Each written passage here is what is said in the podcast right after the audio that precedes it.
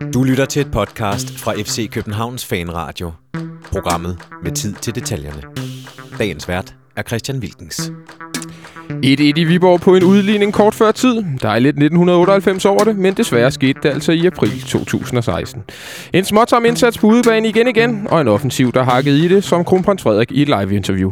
Den næste time er der fokus på offensiven, og så giver vi et par, et par bud på en ny angriber. Det her, det er FC Københavns Fanradio. Christian Olsen, du er med os igen. Ja. Lidt af forkølet, kan jeg forstå. Ikke lettere. Meget forkølet. Voldsomt forkølet. Så hvis der kommer et par øh, monumentale nys fra din mikrofon af, så er det altså derfor. Ja, det må det være. Det er jeg allergisk over for dårlig fodbold. Ja, jamen, så, så, så, er du, øh, så er du undskyld i dag, hvis der kommer et Tak, tak. tak. Benjamin Dane, velkommen til. Mange tak. Du er ikke forkølet. Nej, jeg er lige øh, overstået en omgang, så øh, jeg burde være i... Øh. I, i god form. stand. Det er Ja. fantastisk. Er, er du i familie med Tom Dane, har jeg tænkt over længe? Nej, det er jeg ikke, Så fik vi det. Ja, men, ja, men, ja. jeg, men jeg har hørt den før. Men det er bare, jamen, det er fordi, jeg altid troede, navnet udtales Dane. Ja, men det gør det ved jeg ikke. Jeg har altid sagt Dane. Hvad Nej, det er Dane. Oh, Nå, puha. Hvem er Tom Dane? Det er da ham fra linje 3. Hvad er? Thomas? Eje. Thomas Eje, Nå, ja. det var da han skulle slå igennem i Vegas, eller Yes. eller var det ikke det? Yes. Hans kunstnernavn. Ja, ja. Det er fandme flot. Tom Dane. Tom Dane. I ligner ikke hinanden. Det, det, det, det skal du så være rigtig glad for. Tak for det. Ja, det, det, det, det, synes du heller ikke, vel, Olsen? Det var ikke derfor, du spurgte. Nej, nej, slet ikke. Nej, det var godt. Mere Anders Birgaard, måske. Ja. ja, ja, det er faktisk rigtigt. Det synes jeg, det er rigtigt. Hvem er Ja. du så? Du er måske... Jeg er øh, Preben. Nej, han, han, han er klædt ud som dronning Margrethe. Ja, okay. Jamen, øh, Fanradio svar på linje 3 er klar til en, en times snak her i dag, og det er jo ikke, hvad kan sige, det er jo ikke den mest opløftende indsats, vi egentlig skal kommentere på, så det er utroligt, at vi er så, så højt humør her fra starten. Øh, vi spillede en, øh, en, endnu en småslatten, sl- småslatten indsats i, i, i, i Jylland, og, øh, eller på udebane helt generelt. Og spillede 1-1. Og den skal vi selvfølgelig tale lidt om, hvad der gik godt og hvad der gik skidt. Og senere i programmet, jamen, så skal vi så lidt, som vi har teaset for her på, både på de sociale medier og her i min intro, så skal vi have lidt fokus på, på offensiven, fordi vi scorer ikke specielt mange mål. Øh, og så kan vi jo så tage lidt diskussionen, om vi, om vi skaber nok chancer også. Det, øh, det, øh, det er heller ikke sikkert, at vi er helt enige om det.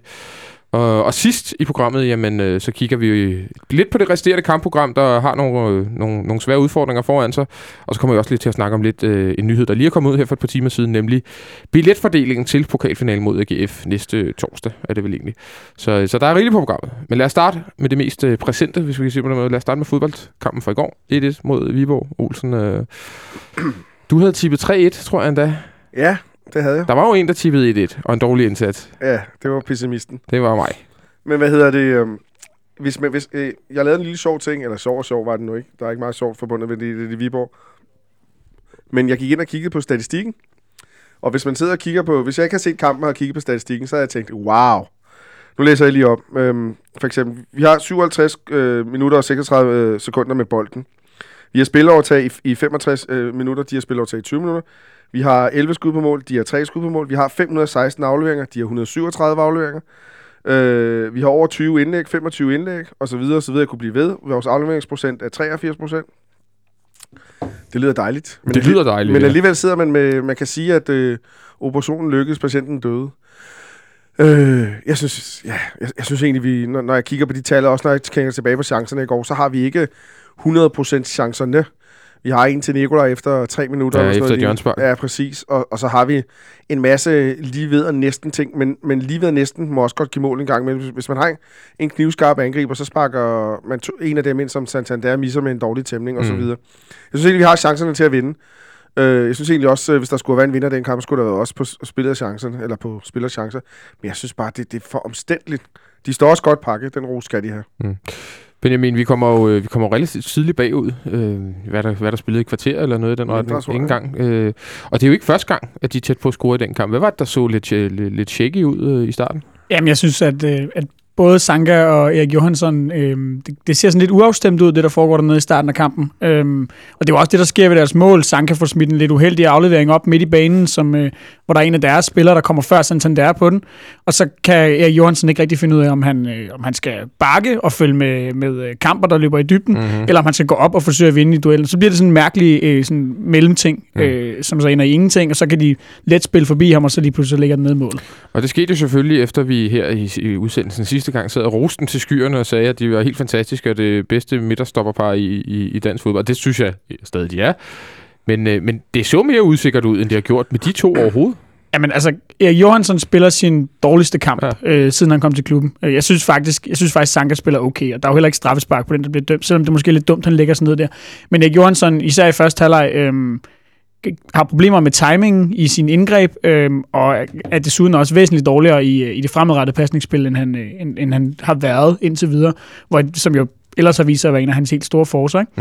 Mm. Øhm, så det, det, det synes jeg sådan, var det, jeg lagde med, med, mest mærke til med de to. Det var, at Erik Johansson spillede en, en rigtig dårlig kamp for en gang skyld. Vi havde jo ikke Kusk med, øh, Benjamin. Hvor meget tror du, det betød for, for vores offensiv og for, for resultatet, at han ikke øh, spillede? Det er svært at sige, fordi at, at Kusk har jo ikke i foråret været op i de omdrejninger, vi så ham i, i særdeleshed i slutningen af efteråret. Øh, men jeg synes jo generelt, at det er et problem, også i, igen i går, at, at altså, vores kanter er, er svingende, øh, mildest talt. Mm. Øh, Verbic kan ikke finde melodien. Tutu falder lidt ud og ind af kampen. Altså, der, der er store dele af, af første halvleg i, i går, hvor han nærmest er blind passager, mm. hvor man stort set ikke... Altså, han har en enkelt god aktion, der fører frem til en chance til Verbic, hvor han trækker bolden med på tværs, øh, og via Ankersen og Santander får den, øh, får den ind i feltet. Men, men ellers så, så ser man jo ikke rigtig noget til ham. Hvad siger du, Olsen? Savnede du Kusk?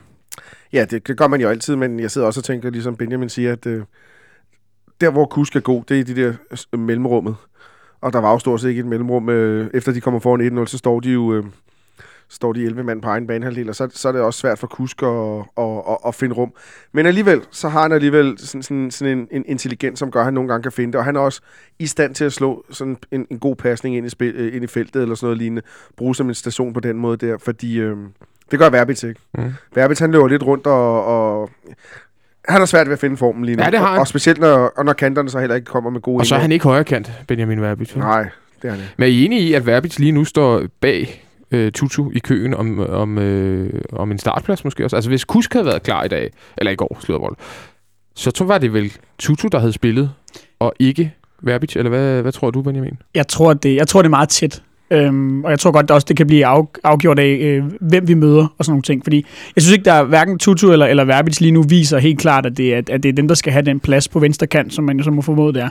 Øhm, så jeg, jeg, det, det tror jeg er sådan lidt øh, hip som hap, Ja, ja. det er måske hvem, der viser bedst form i, øh, i ugen op til.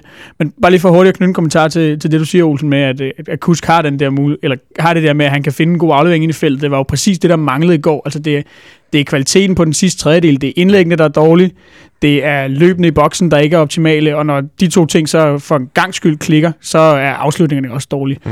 Altså, Det er en fordi dårlig kombo. ude på banen, som tallene jo også viser, så, så spiller vi jo en glimrende kamp, lige så snart vi kommer op på den sidste tredjedel, og så er der bare et eller andet. Altså, det er både noget med opfindsomheden, men, men det er i særdeleshed noget med kvaliteten i Men det, er det, det, der, ikke- er det vi, ikke vi også, foretager er os. det ikke også noget med boldomgangen? Jeg synes, Jo, vi spiller langsomt. vi spiller er langsomt, men det er så sjældent, at vi ser en to-tre førstegangs øh, afleveringer i træk, og det sker stort set aldrig på den, øh, på den sidste tredjedel. Vel? Altså, vi må være... Altså, jeg tænker, vi, vi spiller rigtig, rigtig meget på forsiden af, af, af et forsvar. Det må være relativt let, forstå mig ret, at, at skulle dække op for os. Det tror jeg også, det er. Øh, du kan se, de, principielt så dækker de, prøver de jo bare at få dem ud af, og så vil de gerne have, at folkene slår de tidlige indlæg, og så kan de tage den derfra. Mm. Øh, Ludvig, han går stort set heller ikke til baglinjen mere. Det, det tror jeg, han gjorde det en gang eller to i går. Ikke? Øh, Ankersen og, og blev skiftet ud med... øh, Jeg synes faktisk ikke, han spillede så dårligt, Ankersen, vil jeg godt lige sige. Det undrede mig lidt, at Mhm. Remmer kom ind. Og, jeg, og jeg var, øh, på et tidspunkt i anden halvleg, der sidder jeg faktisk med en tanke om, at Remmer, det var noget af det, det dårligste indhop, jeg har set længe, for jeg synes, han var dårlig defensiv, og jeg synes ikke, han skabte noget overhovedet offensivt. Og det var et af mine punkter her. Får vi noget ud af udskiftningerne i pausen? Det har du så næsten svaret på. Øh, Nej, det synes jeg ikke. Cornelius, han er helt væk. Igen, igen, igen er jeg nødt til at sige. Hvis vi skal slå sådan et hold som Viborg, så skal vi spille hurtigt. Vi skal spille meget hurtigere. Jeg synes, nogle gange kan man også sige sådan, som William, han er også en stopklods, men vi har vi, vi er lidt svagt med alternativ for tiden, når, når, når Kusk er væk, for så kunne man rykke Tutu derind, så ved du, så går det i hvert fald lidt hurtigere. Ja, for det tænkte jeg nemlig også over. Er det her ikke en kamp? Viborg på udebane, de står dybt. Det ved vi, de vil komme til at gøre. I ser det også, da de kommer foran. Er det ikke sådan en kamp, som er, øh, som er så der bare står Josef Tutu på den centrale midtbane på? Jo, altså hvis han kan levere, som han gjorde i parken mod Sønderjyske, det er jo så et spørgsmål, om han kan det, fordi øh, jeg tror også, jeg har sagt det i tidligere udsendelser, at altså, øh, eller sidst vi snakkede om ham, at, at han, han altså, når han rammer niveauet derinde, så er han jo god, men han har jo også spillet flere kampe på den centrale midtbane, hvor vi har siddet og tænkt, det her, det går bare ikke. Så det er klart, at hvis, hvis, øh, hvis altså, han kunne godt have kommet ind og løsnet lidt op for det hele. Øhm, det, det, det, er der, det, det er da klart en mulighed, men igen, altså, han har jo ikke været specielt god i de sidste par kampe, så hvis ikke han rammer formen, så, så kan det jo være lige meget. Mm. Og man kan også sige, at William kommer jo selvfølgelig på, øh, øh, på hvad kan man sige, han, de sidste to-tre kampe, han har spillet, har han været rigtig god. har altså, han. var god mod Brøndby, det er måske Ja. de bedste. Ståle ude at sige, nu ser vi endelig den William Kvist, som øh, vi måske også havde håbet at se lidt, lidt tidligere. Det har været hans bedste præstationer efter, han er kommet hjem. Han er den mand i går, øh, der har flest boldbøjer for FCK. Han har 100. Mm. Og det synes jeg fortæller meget godt om, hvordan kampen har været. Fordi sådan en kamp i går, der, så, så, så skal han jo ikke have 100 Nej. boldberøringer. Det er alt for mange. Det er jo ikke ham, der skal have bolden. Og, og så når, ved, når, når der kommer en boldberøring fra ham, så er det fordi, han skubber den videre til en eller anden. Det er sjældent, han gjorde det så et par gange i går, men ikke noget, der var særlig effektivt. Det er sjældent, han tager, ligger en aflevering frem i banen. Det er sjældent, han ligger en, det er ham, der åbner op ud af til. Det ved vi. Det kan både Delaney og, og Tutu, når de spiller centralt, kan i den rolle. Men, men jeg er da så også sikker på, at han kom der også i vejen for nogle ting undervejs, men, men de var bare ikke særlig angrebsivlige i Viborg. Så, så på en eller anden måde, så skulle han måske ikke have spillet. Men så er det også bare, hvem skulle have spillet i stedet for Tutu? Skulle mm. det så Mm. være Kadri? For Kadri virker heller ikke, som om han er i, han er i noget, noget der, der ligner en, en eller anden form, der er brugbar i Superligaen. Så vi renon på alternativer. Men der kunne du, der kunne du måske have været... Øh, det, det lignede det lidt i anden halvleg, da vi skiftede over til diamanten der. Uh, selvom den ikke var en helt rigtig diamant, fordi det så ud som om Nikolaj bare fik lov til at vandre, men det var i hvert Ja, fald... han spillede i hvert fald ikke venstre. Øh, Nej, jeg, jeg havde ham til forreste mand ja. Ja. i angrebet, men Ja. ja. uh, hvor de tre andre lå mere faste. Det kunne jo være, at Ståle, også med tanke på ude i Brøndby, hans 3-5-2 skulle gå lidt mere på kompromis med tingene. Specielt når, når, når, når vi har set over så lang tid, det ikke lykkes med hans vante 4-4-2 med tingene, der bare er maskinen, der bare kører ineffektiviteten, og vi skal spille vores chancer større, og jeg ved ikke hvordan. Har du noget øh, bud på, hvordan, øh, hvad der kunne løse lidt op for det hele?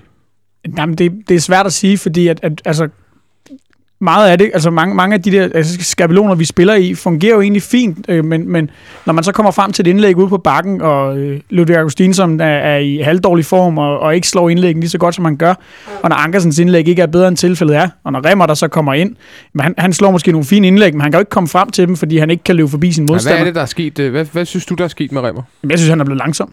Er Jeg synes, han er blevet helt, helt gjort utrolig langsom. Ja. Ja, det er jo svært Mang- at sige, manglende men spilletid. Han ser, han ser virkelig, virkelig langsom ud. Øhm, både med og uden bold. Mm. Øhm, og, og, altså, så vi skal have løftet kvaliteten i, i, i det, vi foretager os, og det kan godt være, at der skal noget, noget nyt taktisk til at, at løsne lidt op i det. Så vil jeg godt knytte en enkelt kommentar omkring den, den centrale midtbane. Nu venter vi lige kvist før. Øh, og jeg er ikke, nu ved jeg ikke, om jeg, jeg, det kan være, at jeg bliver upopulær på at sige det her, men jeg synes jo, at, at Thomas Delaney har gang i et, øh, i et formdyk, i hvert fald med bolden. Mm. Nu ved jeg godt, at han kommer op og afgør det i går, og, og man kan også tage Brøndby-kampene fra, fordi der er han der bare altid 100%, men hvis du kigger på nogle af de andre kampe det sidste stykke tid, så synes jeg, at hans, øh, hans boldomgang har været dårligere end vanlig. Vi kan også tage kampen i Randers, hvor vi spiller 1-1, hvor øh, at jeg sjældent har set ham øh, høvle så mange bolde fremad uden adresse. Og jeg, jeg, jeg synes, det går langsommere omkring ham. Jeg synes, det bliver mere upræcist. Jeg synes også igen i går, at han, han, øh, han har nogle situationer, hvor han forsøger at løfte nogle bolde ind i feltet, og at, at halvdelen af tiden, der lykkes det bare ikke. Det kan Øh, godt være, at du bliver upopulær, men jeg er faktisk ikke uenig, Benjamin. Jeg synes også, at, øh, at Delaney med bolden har ikke været lige så, øh, der har ikke været lige så mange fremskridt, som der var øh, måske i, i, i efteråret, hvor at, øh, der virkelig var blevet lagt noget på det. Jeg, jeg synes, det er noget vrøvl, fordi jeg synes, vi skal skille Delaney og alle andre egentlig op på det her hold i to ting. Hjemmebane og udebane. Altså på hjemmebane kan man jo ikke sætte en finger på hans indsats. Der synes jeg stadigvæk, at han ligger spiller fremragende. Men det er som om, at- og det er der, det er det, der er min pointe. Holdet falder sammen på udebane. Der er et eller andet galt på udebane, og vi ved ikke, hvad det er. Er det fordi, de andre hold øh, går lidt længere frem?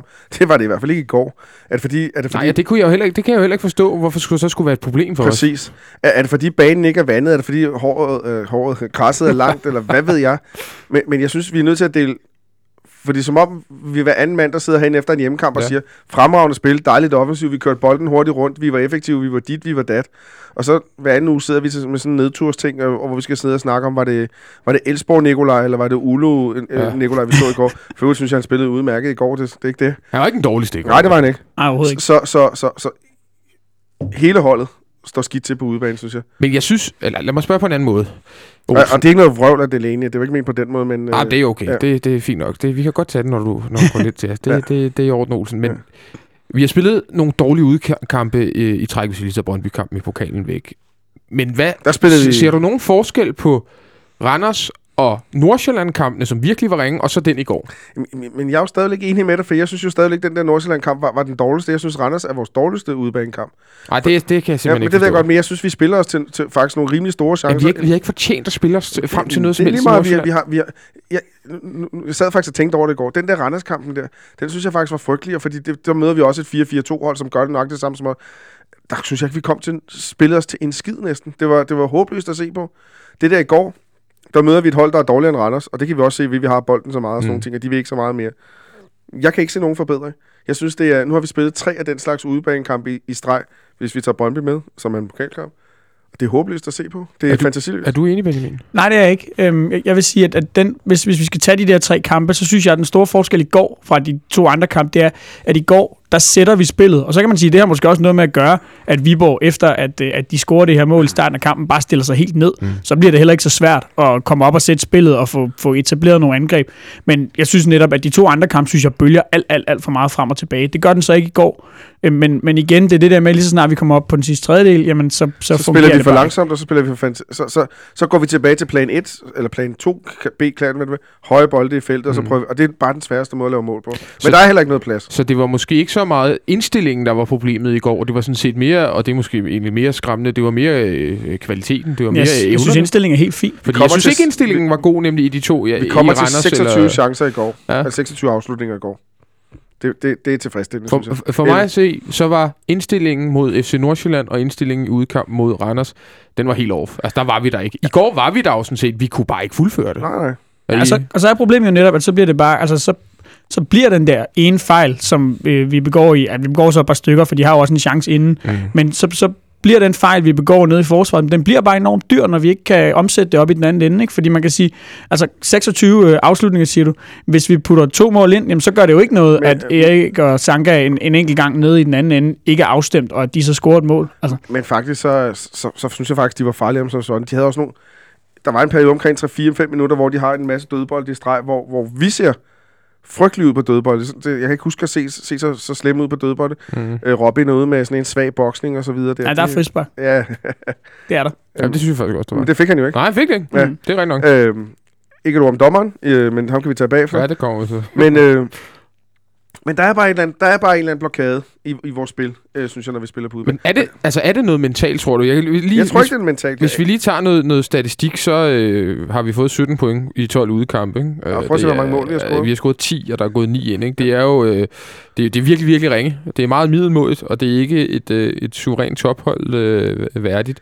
Men hvis det ikke er noget mentalt, hvad er, det, hvad er det så? Fordi der er jo sådan helt basale ting, der nogle gange heller ikke fungerer på samme måde, som de gør hen i parken. Sådan noget som vores presspil og sådan noget er jo heller, fungerer jo heller ikke på samme måde på udbanen, som det gør hen i parken. Nej, altså jeg, jeg synes jo, øh, jeg har lidt den her lille teori om, at, at der er noget med, hvordan vi også er taktisk indstillet. Ikke så meget, altså ikke den mentale indstilling, men den taktiske indstilling. Jeg kan godt have øh, Ståle en lille smule mistænkt for nogle gange og fedt spille en lille smule, bit smule på udebane, og spille lidt mere med livrem og seler, end vi gør inde i parken. Øhm, jeg synes jo for eksempel tit, at vores, at vores bagkæde står lidt lavere på udebane. Jeg synes, at vores pres begynder lidt længere nede. Jeg synes ikke, vi er helt lige så aggressive, som vi er herinde. Øhm, og, og altså, jeg, jeg er ikke sikker på, at det er hele forklaringen, men jeg tror godt, det kan have noget med det at gøre. Også fordi nogle gange, så tror jeg, at Ståle han har det fint med at tage et point på udebane. Han siger jo også efter kampen i går, kan vi tage tre hjemme og et ude, så Ja. er han fint tilfreds. Ikke? Ja, jo. Øhm, og, og, altså det, det er, jeg tror, at det har noget at sige. Hvor meget, det, det ved jeg så ikke. Ja, jeg stille spørgsmål. okay, jeg troede, jeg troede du ville sige et par Nej, ord. nej, nej, altså. Du kan så til gengæld få lov til at, at, at kommentere lidt på... Ja, lad os tage, starte med strafsparket. Det er, øh, det er jo en helt fuldstændig horribel dom. Altså, hvordan i alverden kan man dog flot strafspark der, Olsen? Kan du fortælle mig det? Ja, nu er jeg jo ikke dommer, men jeg tror, at, jeg kan ikke engang huske, hvor han stod på banen. Altså. Sanka ligger så ned, og så, så, så vil, hvis man løber lidt rundt omkring en, og ser ud som om man falder, så er det jo meget nemmere at få. Men altså, han, han, altså Søren Frederiksen får nærmest bare overbalance. Altså, er han, ingenting. han prøver ikke engang at var det filme. ikke Michael Johansen, der også dømte det der i Haderslev, hvor der så var Peter Ankersen? Øh, jo, det, ah, det kan jeg ikke huske, men det, det er der men, en god men, chance det, for. men det vil sige om ham dommeren i går, det er, øh, øh, ikke, det er ikke noget generelt og straffespark, og sådan noget, eller det er faktisk noget generelt. Det er, at der er jo ikke nogen linje i. øh, Altså, på et tidspunkt kan, kan man gå voldsomt ind i en duel, der sker ikke en skid, og så den næste situation kan man lige komme til at prikke ind på skulderen, så dømmer han frispark.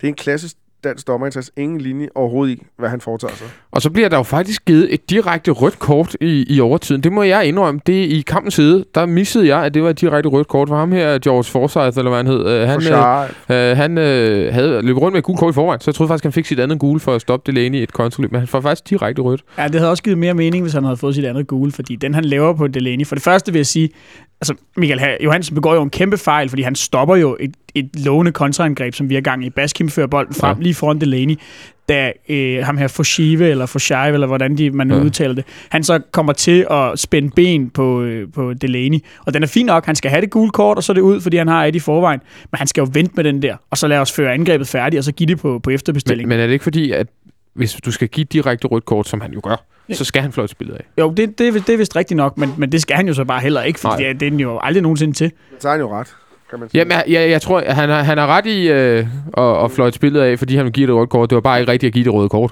kan man sige. Ja. Altså, han skulle have givet et, et andet gult, og det er rigtigt, så kunne vi få, have fået lov til at føre det kontra, øh, kontraangreb øh, færdigt. Men Robin tager jo rent faktisk det her omtalte ja. straffespark. Og der er lidt sjovt øh, med- med det, øh, som de kunne fortælle på, på Kanal 9, mens kampen kørte, at øh, Anton, øh, og jeg, nu skal jeg ikke ud- William signalerer ud til Anton, som slår sig på og højre Anton, som er vores målmandstræner. målmandstræner ikke for vores Holland. svenske Nej, nemlig, det skal for sig. Scheutens eller noget. Scheutens eller Scheuvens Ja, eller så- noget. Ja. Og han slår sig på højre ben. Venstre benet, det må sige, at han skal kaste sig til venstre side. Mm. Åh, oh, hey. Så redde, jeg- altså, jeg synes faktisk, det var ret dårligt sparket, det at starte. Det er rigtig dårligt spark. Øh, Jeppe Kurt var selv rimelig imponeret over farten og højden, og, men øh, han havde brændt det alligevel. Men det er da meget, at det er da meget godt gået, at, at vi har styr på, øh, hvilken side Jeppe Kurt sparker strafspark. Det siger det da lidt, lidt om, øh, hvor, altså, hvor, øh, hvor meget der i, i princippet ligger i opladningen til sådan en kamp. Ja, der bliver, altså det, det tyder i hvert fald på, at man er enormt velforberedt, at man Mm. mm. har tjekket det, de potentielle straffesparkskytter ud, for der er jo også andre, der har sparket for, for Viborg og Brandt. Mm. Øhm, så, så, så, de ved, hvor folk vil, vil sparke normalt. Og så vil jeg også sige, altså det er jo, det er jo meget godt spottet af Kanal 9 også, altså fordi at, at de lige ser, at, at William Kvist smider 10 fingre i, Mm. mm. i vejret, og han klapper sig på, øh, på venstre lår, det er der ikke nødvendigvis sådan, altså... Men- jo, du kan godt se det, men, men så tydeligt er det jo heller ikke. Men så I, hvor mange han havde sparket? Nej. To. Ja, okay. Brændt det ene og scoret på det ene, men de havde begge to siddet samme sted. Ja, åbenbart, det, er, den det, er jo, det er jo meget godt set. Ja. Altså, det, ja, det, det, det er jo Men noget, det var som... også det fjerde, de brændte i den her sæson. Ja, vi var utroligt dårlige til at sparke strafspark. Ja. Det, det er rigtigt nok. Det minder, os, minder om, øh, sidste år. om os tilbage i, i de gode 90'er dage, hvor hver gang vi fik straf, synes jeg også, øh, at vi brændte. Vi var helt Ej, Lars Højer sparkede. Ej, vi var ekstremt dårlige til at sparke. Vi var, jeg kan huske, at Bo Svensson blev sat Var til at sparke født i straffespark. 90'erne? Ja, lige akkurat. Jeg skulle ellers spørge Benjamin, jeg var jo nok født. Øh, det sidste, jeg synes, vi skal, vi skal tale om, det er, øh, vi har faktisk fået et par lytterspørgsmål omkring også det her med, med offensiven og vores angriber, der brænder chancer. Og vi vil godt tage en lille smule hul på det, før vi, vi, vi rigtig går ind i en længere diskussion øh, og- om øh, offensiven og så videre. Så øh, det er, om vi skal have ansat en angrebstræner. Fordi øh, det er der flere, der har spurgt om, om det kunne være noget, der kunne, kunne løsne op for nogle ting, Olsen. Øh, er du typen, som, som godt kunne se en idé i at få ansat øh, en angrebstræner? Nej, det... Jeg synes, jeg synes nogle gange, det er sådan noget popsmart noget. Hvis man har, man har en målmandstræner til målmændene, hvorfor kan man så ikke have en angrebstræner til angriberne? Jo, men så skal man også have en forsvarstræner og en hættetræner. Altså, ved, i Brentford, der har man en sparketræner. Øh, Lasse Vibe har lavet 17 sæsonmål eller sådan noget, så et eller andet måde, der kunne. ja, men jeg tror ikke, Lasse Vibe laver sæsonmål, 17 sæsonmål, fordi han sparker godt til en bold. Det, Jeg altså, tror, jeg tror, det er er, det ikke sådan lidt dinosaur-tilgang til det hele? Hvorfor, hvor, jeg, hvorfor kan man ikke have Det er træner? godt nok nogle lade spørgsmål, du stiller. Jeg kan godt høre, hvad... hvad, jeg så svarer ja, er så diskussionen så færdig? Men hvorfor kan man ikke... Ja, men hvorfor, så, så stiller jeg et modspørgsmål. Hvor mange slags øh, specifik træner skal du så have? En takletræner, en hættetræner? Ja, en, men nu er det jo pænt essentielt i spillet fodbold, at man kan sparke kuglen ind i det kassen. er også pænt essentielt, at du kan... Sgu ikke lige så essentielt at kunne hætte til bolden, som det er at kunne sparke den ind i mål. Sådan en sparketræner, som de har i Bradford. Altså, øh, jeg, jeg, synes, jeg, synes, jeg synes godt, der kan være en idé i, at man prøver sig frem med... Altså, vi tydeligvis scorer vi jo ikke nok mål. Nej, øh, på udebane. Og hvis vi nu lige i øvrigt tager vores... Kan du lige øh, se, hvor mange vi har scoret på hjemmebane? Ja, men, ja, vi, Men- men det kan være, vi vi, skulle har, tage vi vores har lavet spark- 44 mål i 26 kampe. Ja. Det er mere imponerende er det altså Nej, nej, ikke. nej, nej. Men har vi altså, altså nu, når vi snakker det her med angrebstræner, har vi ikke netop fået Peter Wettergren ind for at arbejde med noget af det offensive? Så jeg tror allerede, vi har en, der har noget af det her som, som sit ansvarsområde. Og jeg er ikke sikker på, at fordi vi får en eller anden Mark Strudal-type ud og Tak. rende ude på tieren, at, at det så nødvendigvis bliver bedre det hele. Absolut heller ikke. Tak, Benjamin. Jeg er Strudal fuldstændig enig med Benjamin. Noget sted Jeg kunne ikke have sagt det bedre selv. Men det behøver jo ikke at være en eller anden pomade Mark Strudal lookalike, vi skal have men, rendet men, rundt. men så lad os, prøve at kigge om, lad os prøve at kigge rundt omkring i andre klubber. Øh, øh, nogle af dem, vi gerne vil sammenligne os med, også øh, store klubber og sådan noget. Hvem er Chelseas angrebstræner? Det ved jeg ikke, men det er de dårlige eksempel. øh. Ja, okay. Øh, så Det ved jeg, jeg ved faktisk, at de har Tor Andre Flo, har de ansat på deres øh, ungdomshold til at øh, være øh, angrebstræner og afslutningstræner arbejde med angriber. Okay, men det har vi også, øh, det har vi sikkert også på vores ungdomsakademi, eller hvad det hedder, School of Excellence. Øh, men kan du nævne mig nogle klubber, der har ansat, øh, ansat øh, det kan godt være, at det er oldnordisk tankegang, men, men jeg tror da, inden for en trænerstab på en 4-5 øh, træner, så må der da vel for helvede være i deres ansvarsfordeling, være en, der tager sig det, som, som, som Benjamin også siger, Peter Vettergren, som måske tager sig det, og, og, og Men så kald det noget la- andet la- end en Men lad os da angrebstræner. prøve at kigge på de angrebstrænere. Lad os da prøve at kigge på Mark Strudal. Hvad, hvad er det for nogle fantastiske angriber, han har bragt frem? Altså, hvad er det? Altså, jeg må, uden at jeg, jeg skulle sidde her og være forsvarstaler for Max Strudal, for det er det ved Gud det sidste i verden, jeg vil. Men det er du Så nu. vil jeg faktisk sige, at Martin Bernborg hamrede kasser ind, dengang han var i FC Nordsjælland. Selv Nicky Bille scorede mål nok til at blive solgt til Men udlandet. det tror jeg ikke, han var kommet der, Mark Det tror jeg faktisk, han var. Okay. Det, er, det tror jeg faktisk, han var. Og det, så lad os kalde det noget andet end en angrebstræner. Bare at have en træner, der måske har et fokusområde, Så du i hvor går, de kan så du i, går i. Brøndby-kampen, der havde de Timo Pukki-ur kørende på, hvor længe siden han havde scoret i Superligaen. så du den? Men Timo Pukki er heller ikke særlig god angriber. Nå, okay. Vi har en sydamerikansk angriber, som mm. helt åbenlyst, og jeg tror endda selv, det er blevet i talsat, ikke har fået angrebstræning i nærmest hele sit liv. Ja. Han har ikke fået skudtræning. Nå, men ved du hvad? Så lad os da ansætte den angrebstræner. Fint. Jamen, jeg, jeg siger bare, jeg synes ikke, man skal være så... Øh, jeg synes ikke bare, man skal kaste det væk. Og det, er sikkert fordi, at du har et billede af Mark Strodal lidt i hovedet, så kan jeg godt forstå, at du ikke ønsker det i nærheden af vores klub. Men det Nej, kunne... men, men, men, men det, det, jeg tænker bare på, det er, at jeg kan se pointen i det, hvis, hvis du kan komme kom med et eller andet øh, empiri, du kan tage, trække noget frem, hvor du kan sige, her, der er over en længere periode, er der nogen, der har udviklet noget på et eller andet af, af den grad der. Så, så tager jeg det ind. Okay. Men, før, men kan han gøre kan han det? Har, har du noget empiri på det? Altså, jeg, har, ikke- jeg kan ikke komme, hive en eller anden frem og sige, at, at han er Nej, simpelthen men- men- øh, men- men grunden er- til, er at, at Luis Suarez scorer 44 40 mål på en sæson. Har Barcelona en angrebstræner? Nej, de har altså verdens tre bedste angriber, så de klarer sig nok Okay, uden. Altså, de, øh, det, det, det, det, det, det, det er jo vel det, det handler om, at vi har ikke verdens bedste angriber. Vi har nogle angriber, så har nogle kvar, Hvem har, klare lavet, hvem har kvaliteter. lavet flest mål i Superligaen? Altså hold? Ja. ja. Det har vi vel stadig, eller har Nej, OB det har? OB. Har de en angrebstræner? Det ved jeg ikke. Det har de ikke. Det Godt. ved du? Det ved jeg. Okay. Jeg har researchet Nå, det. men så, kan, så er det jo fuldstændig... Øh, Nej, men, men det, er bare, det er bare det, jeg siger. Jeg synes, det er fint nok, at, at- at, at man kan få nogle specifikke træner. Selvfølgelig er det det. Men, men jeg tænker, i en trænergruppe bestående af 4-5 trænere, øh, men så kan det være, at de træner ikke har deres spidskompetence inden for det felt. Nej, men nu, men det, det kan det sagtens være. Hvad siger du, nu, Benjamin? nu, blev det, jo- nu blev det jo netop nævnt et par gange, så vidt jeg husker, i forbindelse med, med ansættelsen af Peter Vettergren. at Det blandt andet var noget af det, at han havde nogle offensive idéer, som han skulle ind og arbejde med. Mm. Så jeg tror allerede, at vi har en, der arbejder med, med den del af spillet, og om, om, om vi så skulle ansætte en, der specifikt bare skulle træne med angriberne, Mm. eller specifikt bare træne med dem og kanterne. Altså det, jeg, jeg er ikke nødvendigvis overbevist Så det handler om, måske det mere om noget. de offensive idéer, end det handler om det sådan rent øh, tekniske i selve afslutningerne. Ja, Ja, det tror jeg også. det er jeg enig med. Men lad os tage et godt eksempel. Federico Santander har vi jo hørt nogle historier om, at han havde lidt svært øh, sparketeknisk og sådan Mm. nogle ting, hvor de har arbejdet meget med hans øh, sparketeknik. Mm. Så der må være, øh, de, de historier har du vel også hørt, der mm. må være en eller anden, der går rundt og, og lærer ham. Det er jo ikke bare ham selv, der tager et net med bold, og så går ud og står og skyder. Der må mm. Være en eller anden, der lige retter på hans fodstillinger. Hvad ved jeg? Hvem det er? Det ved jeg ikke. Men altså, du, øh, altså, øh, hvis jeg nu vil have ekstra timer i fysik, ikke? Det kan jeg ikke finde ud af. Mm. Så er det jo heller ikke geografilæreren, du sætter til at, at, at, at, at, give ekstra timer i fysik. Vel? Så er det jo en fysiklærer, der har sit, sine, sine kompetencer inden for det felt. Det er jo bare det, jeg mener. Jo, men en, Det er jo ikke, øh, hvis det, hvis det var, altså, jo, jo. skal, Men- men, det for kan at kunne lære noget, skal du have en, der kan lære, men, men som Benjamin siger, så kan jo godt være, Peter Vettergren, nu har han sagt det tre gange, ja. Har kompetence Men jeg, jeg, jeg, jeg tror, Peter Vettergren har sine kompetencer inden for nogle offensive tanker om, hvordan noget angrebsspil skal bygges om. Så- Jeg er ikke sikker på, at han har sin, sin øh, primære, hvad kan man sige, øh, at, det, at det, han er bedst til, er rent udførelsen af den. Altså sådan kunne jeg forestille mig. sparketeknisk. Og så videre. Det, Det er vel det, en specifik træner. Nå, vi Du- parkerer du den har her et godt spørgsmål Det var, et, det var et meget godt spørgsmål. Øh, øh, jeg kan faktisk ikke engang huske, hvem der har stillet det derinde, men personen, der har stillet det enten på vores Twitter eller Facebook, han fortjener en, en lille medalje, for han har da fået, han har fået diskussionen op at køre, Ja. og det, det synes hvad jeg synes også han er meget selv? fint. Han synes, der skulle ansættes til angrebstræner. Vi fortsætter lidt med, med offensiven efter vores, øh, vores draflige diskussion her. Olsen og vi, øh, vi tager en øl bagefter, så vi, så er vi gode venner igen. Det er Nej, nej, på. der er ikke noget problem. Nej, nej, nej, det var, det var, det var heldigt. Vi har nemlig fået rigtig, rigtig mange gode lytterspørgsmål i den her omgang, øh, og de beskæftiger sig alle sammen, eller mange af dem i hvert fald også med offensiven. Vi har fået en fra, fra Christian Majgaard, der spørger øh, Benjamin, er jeg den eneste, undrer over, hvorfor Baskim ikke bliver brugt i angrebet?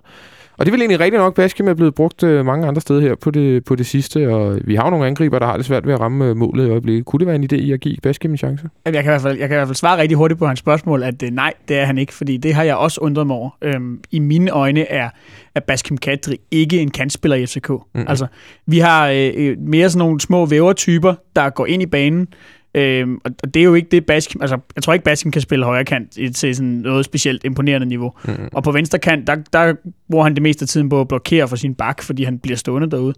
Øhm, jeg synes jo også, at, at det vi så, inden han fik øh, hvad hedder det, den her forfærdelige korsbåndsskade, det var jo, at det var som angriber, han kunne gøre sig gældende. Og at det nogle gange var, at, altså både at han, han jo i modsætning til de andre angriber, kan tage lidt dybdeløb, øhm, men også at han, han har et, et, et bedre spark formentlig end de andre. Øh, Ja. Nikolaj fraset selvfølgelig. Men han har en god venstrefod. Øh, han er en god afslutter. Øh, lavet et par, et par ganske flotte mål, øh, inden han blev skadet. Og jeg kunne godt tænke mig at se ham få lidt tid der, men jeg kan også godt forstå med den form, han, han så viser, når han kommer ind på kanten, at han ikke lige står først for op i det angreb der. Øhm, men øh, så kan man så sige, øh, Cornelius, hvor god er han? Jamen, det er næsten mit næste spørgsmål, øh, en lille opfølging her, Olsen, at øh, Cornelius er jo helt klart den an- angriber, der bliver skiftet først ind, når vi skal bruge en, en angriberudskiftning. Men er der en idé i måske at, at, at smide Baskim ind i rækken foran Cornelius? Nej, for jeg tror, at de fleste gange Cornelius kommer ind, øh, der, så spiller vi mod hold, som, som ikke står som Baskim godt vil have den. Så tror jeg, så ender det ofte sådan noget med, at der skal smækkes nogle bolde ind i feltet, eller vi skal, vi skal et eller andet. I, i, og smide ham ind i går mod Viborg som første angriber, det, det, det tænker jeg også. Øh, selvom jeg synes at ikke, han er så udbredt en kontraspiller og sådan noget. Han kan godt mere end det, men, men den lå selvfølgelig bedre til en, til en Cornelius i form. Mm. Og i form, det er han ikke i øjeblikket, Cornelius. Nej, det har han ikke været i, i et stykke tid efterhånden. Det, jeg tror også, det handler om, at han skal spille, og, og det handler selvfølgelig også om med Baskim og, øh, hvad hedder det, øhm, at de skal øh, Og Remmer og, også, og Remmer, ja, de skal spille regelmæssigt, øh, og det gør de ikke. Øh, holdet er, er, er sat, øh, altså, vi har, hvad, hvad, hvad bruger vi, 12-13 spillere bruger vi, Mm. hvis alle er klar, og, og så får de ikke de der kontinuerlige forløb der. For øvrigt med både med Cornelius og Remmer, eller Cornelius og Baskim. Og Baskim. Så siger man jo, eller det, det, jeg ved ikke om det, er- det er sådan en slags huskeregel eller sådan noget lignende, at den tid du er ude, den tid tager det dig også at komme tilbage. Mm. Så, så Cornelius skulle jo nok være kommet tilbage fra sin skade. Hvorimod Baskim, ham regner egentlig først med rigtigt kommer igen efter sommerferien. Der tror jeg først rigtigt, han kan stemple ind. Men det, der var så mærkeligt med Cornelius, var jo, han røg jo faktisk tilbage med fyr og flamme lige efter hans øh, skade. Han scorer i nærmest i alle de kampe, han bliver skiftet ind i der. Og siden da, der er det bare øh, formmæssigt og selvtillidsmæssigt givetvis også gået støt og roligt ned ad bakke, Benjamin. Ja, det er lidt mærkeligt, fordi han er jo også lidt senere hen på, på efteråret, scorer han et, et fremragende mål i Haderslev, Mm. øh, på et flot angreb, hvor han first timer den ind. Øhm, ja, altså, og han, han laver faktisk også, jeg tror, han laver tre eller fire mål i opstarten, øhm, her, øh, hvad hedder det, i, øh, tidligere på året. Mm. Ja, så har det bare ikke fungeret for ham, når han er kommet ind i de indhop, han nogle gange har fået. Øhm, hvad, hvad forklaringen lige er, det ved jeg ikke, men han ser jo bare uskarp ud. Han ligner en, en spiller, der ikke, er i, der ikke er i ordentlig form. Mm. Et spørgsmål, øh, vi også har fået, det er fra øh, en, der hedder Anders Henriksen, som spørger, også lidt i forhold til de transfers, øh, der højst sandsynligt går ud fra klubben, eller man siger, Nikolaj er, er væk, Delaney er der en stor sandsynlighed for, at også forsvinder. Er det realistisk at håbe på et europæisk gruppespil øh, næste år med, med et hold lige nu, som... Altså, det flyder jo ikke i olie det hele i hvert fald. Øh, jeg vil sige, vi, vi, vi fører Superligaen øh, relativt klart, øh, Olsen, men, men det er jo ikke, fordi vi er blevet blæst tilbage over fantastisk fodbold her i foråret.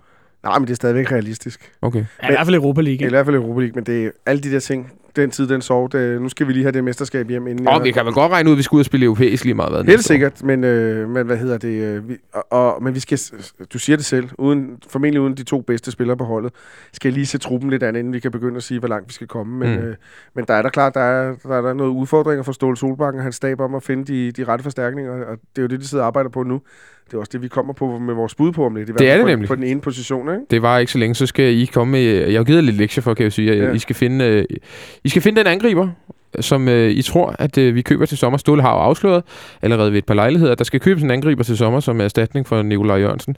Han har også givet lidt et udtryk for, hvem, øh, hvilken type det kunne være. En, en, en Ailton med hjerne, som øh, vi, vi lidt sagde til ham i sjov, og det, det lød som om, den Det- købte han. Men nikkede han til overtelefonen. Ja, det, det gjorde han helt klart. Så, så hvem I har fundet ud af, det finder vi ud af øh, lige øh, om, om ganske kort tid. Men, men Benjamin, i forhold til det her med... Jeg vil gerne spørge, hvor mange gode kampe har vi egentlig spillet det her forår? Ja, så nu skal vi til at tælle. Øhm, der er, øh, der er Sønderjyske hjemme. som, Ja. øh, som, som jo... Som vi vinder 1-0, og som vi skulle have vundet meget større. Ja, vi skulle have en 4-0. Ja. Så er der AB hjemme, Ja, 6-2. så er der Brøndby hjemme, Ja. og så er der vel Midtjylland ude. Mm, som Og- jo ikke er en, altså, en smuk kamp, men en go- det, man vil kalde en godt gennemført kamp, vel? Det er, det. det, er en, det, er en, det er en solid udkamp mod en, øh, en, en svær modstander. Ja. Øhm, og, og det, er vel, det er vel de fire, Ja. Tror jeg. Så, så er der selvfølgelig noget, noget pokal og sådan noget også, så man kan sige, at vi spiller en udmærket kamp ude i, ude i Brøndby i, øh, i midtugen. Men, men hvis vi tager Superligaen, så er det vel de fire kampe, øhm, hvor i tre af dem så har været på hjemmebane, hvilket jo så ikke er også Og altså, jeg, jeg, jeg, jeg hader at bringe øh, og det her sådan argument ind, men når man ser på de penge, der er blevet postet i det her hold øh, kontinuerligt over lang tid, så, altså, så, skal vi, så vil vi ikke for meget at forvente, at der skal være flere gode præstationer i løbet af sådan et forår, end det vi indtil nu har fået, Olsen. Nej. Nej. altså, er, Nej. er det os, der er forvente, eller, øh, Nej, det synes jeg eller er ikke. det fair nok at brokke sig en lille smule? Jeg synes godt, at vi kan forvente øh, specielt noget bedre offensivt spil, når man tænker på de, de summer, der er blevet lagt ind i holdet. Jeg synes godt, at vi kan forvente at se, se noget, noget mere struktur over det. Noget mere, no, noget mere nu, nu snakkede øh, Benjamin om skabeloner og noget. Altså, det er jo som om, vi hele tiden kører den samme. Det, det, er en- som om nogle gange det er en plade, der er gået i hak. Nu ved jeg ikke, hvor mange lytterne, der kender LP-plader. Jeg ved ikke, om I to gør. Jo, jo. De er blevet ind igen, Olsen. Er de blevet ind igen? Ja, altså okay. alle hipsterne, de har den nu. Nå, okay. Ja. Men, men, men det er som om, vi, vi, vi hele tiden vender tilbage til, til de samme løsninger. Vi har ikke særlig mange værktøjer i vores offensive øh, værktøjskasse. Defensivt øh, ser, er vi stadigvæk på ved at skyde på 95% af det bedste, vi kan generelt. Offensivt så er der for store udsving. Men Olsen, er det ikke Ståles helt store problem, at øh, hvad kan man sige, hans offensive Jo. idéer og sådan noget, er relativt sådan få og indimensionelle, og egentlig altid har været det. Altså, det, han er jo ikke nogen, han er jo ikke nogen stor offensiv tænker. Ja, åh, altså vi skal have ham herind igen, ikke? Og nu stiller du mig Nu skal jeg være bad copen, som på det der. Men altså, øh, øh, vi kan rose Ståle herfra til månen, og han kan finde ud af at sætte et hold op, og organisationen er vigtig, og zoneforsvar og sådan noget. Ja. Men, men, men, øh, men vi har spillet en fantastisk sæson i 10-11, hvor vi spillede noget af det mest lækre offensive fodbold, der har været blevet set. Jeg havde også noget af det bedste hold nogensinde. Og havde noget af det bedste, og vi havde også en god sæson før det rent faktisk, som man lidt har, Men har jo, glemt. jeg, jeg, jeg kan da godt være, være enig om, at, at øh, ofte ser noget angrebsspil, hvor der mangler noget bevægelse, der mangler noget fart. Øh, han, han snakkede selv om, han ville angribe mere i længderetningen. Der, øh, det, det, der bliver stadigvæk varmet bold for meget. Øh, så må vi sige, nu har vi trænet mod forsvar, der står dybt i mange, mange år. Vi er nødt til at løse det på en eller anden måde. Og, og, så- og så nogle, en af de ting, dem har vi nævnt før herinde, det er Ludvig. Han har altså også ramt en formnedgang. Mm. Øhm, han kan to ting lige pt. Han kan løbe op til midten af modstanderens banehalvdel, skyde den ind, eller løbe op til modstanderens banehalvdel og lægge den, lægge den tilbage igen. Han har ikke nogen relationer efterhånden til sin kantspiller mere. Der er ikke, han, det er sjældent, han bliver spillet igennem. Han blev det i Brøndby i parken her, da de vinder 2-0 øh, Mm. på straffesparket. Der så man lidt af det. Mere af det også, tak. Flere gennembrud, det mangler vi sgu. Benjamin? Jamen, det er jo, lidt, det er jo bare lige en, en kommentar til det her med, med de offensive idéer, fordi man har jo... Jeg synes også tidligere, da Ståle var her første gang, at man nogle gange har siddet lidt med den der fornemmelse af, at, at vi har det her med indlægsspillet, og så ellers så er der rigtig meget, der er overladt til, at de her 3-4 individualister, vi typisk har haft på holdet i al den tid, Ståle har haft det, jamen at, at så handler det lidt om, at så skal de finde på noget. Øhm, og lige nu må man bare sige, som vi også nævnte i, i den første blok, at jamen, kantspillerne lige nu rammer ikke niveau. De svinger. Nikolaj Jørgensen spiller godt, i, hvis vi er flinke ved ham hver anden kamp, måske endda kun hver tredje. Og det vil sige, at, at når, når de her individualister, hvis, hvis vi antager, at det er rigtigt, at meget af det er bundet op på dem, når man kan sige den der øh, sådan helt basic skabelon med øh, øh, ind på midten, ud på bakken, måske bakken i overlap, og så et indlæg, når det Mm. mm. ikke fungerer. At så er det så kanterne, der skal, der skal finde på det kreative selv.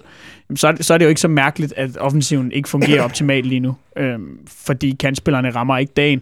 Nikolaj Jørgensen rammer ikke dagen hver gang. Øhm, så, så og der langt mellem rammer heller ikke dagen. Nej, og de er jo heller ikke de spillere, der sådan skal, skal finde på de store offensive Ikke på egen hånd i hvert fald. Ikke på egen hånd. Så det er jo helt rigtigt, hvad Benjamin også sagde i tidligere i programmet, at Peter Wettergren, som blev hentet ind som øh, assistenttræner for Elsborg i sommer, han kom jo også med ligesom, øh, der var også en længere interview med ham på FCK.dk om, at han havde måske nogle nye øh, bidrag og et nyt syn på, hvordan at offensiven kunne udvikle sig i FC København. Og sådan noget er klart, det bliver jo ikke lavet om øh, på, på en dag. Men, men, øh, men kan du se nogle ændringer, Olsen? I momenter. Øh, men det er også fordi, jeg tror, at spillerne er blevet en anelse bedre, end dem, vi havde sidste år. Ja. Øh, hvad hedder han? Øh, Santander vil altid være en bedre central angriber.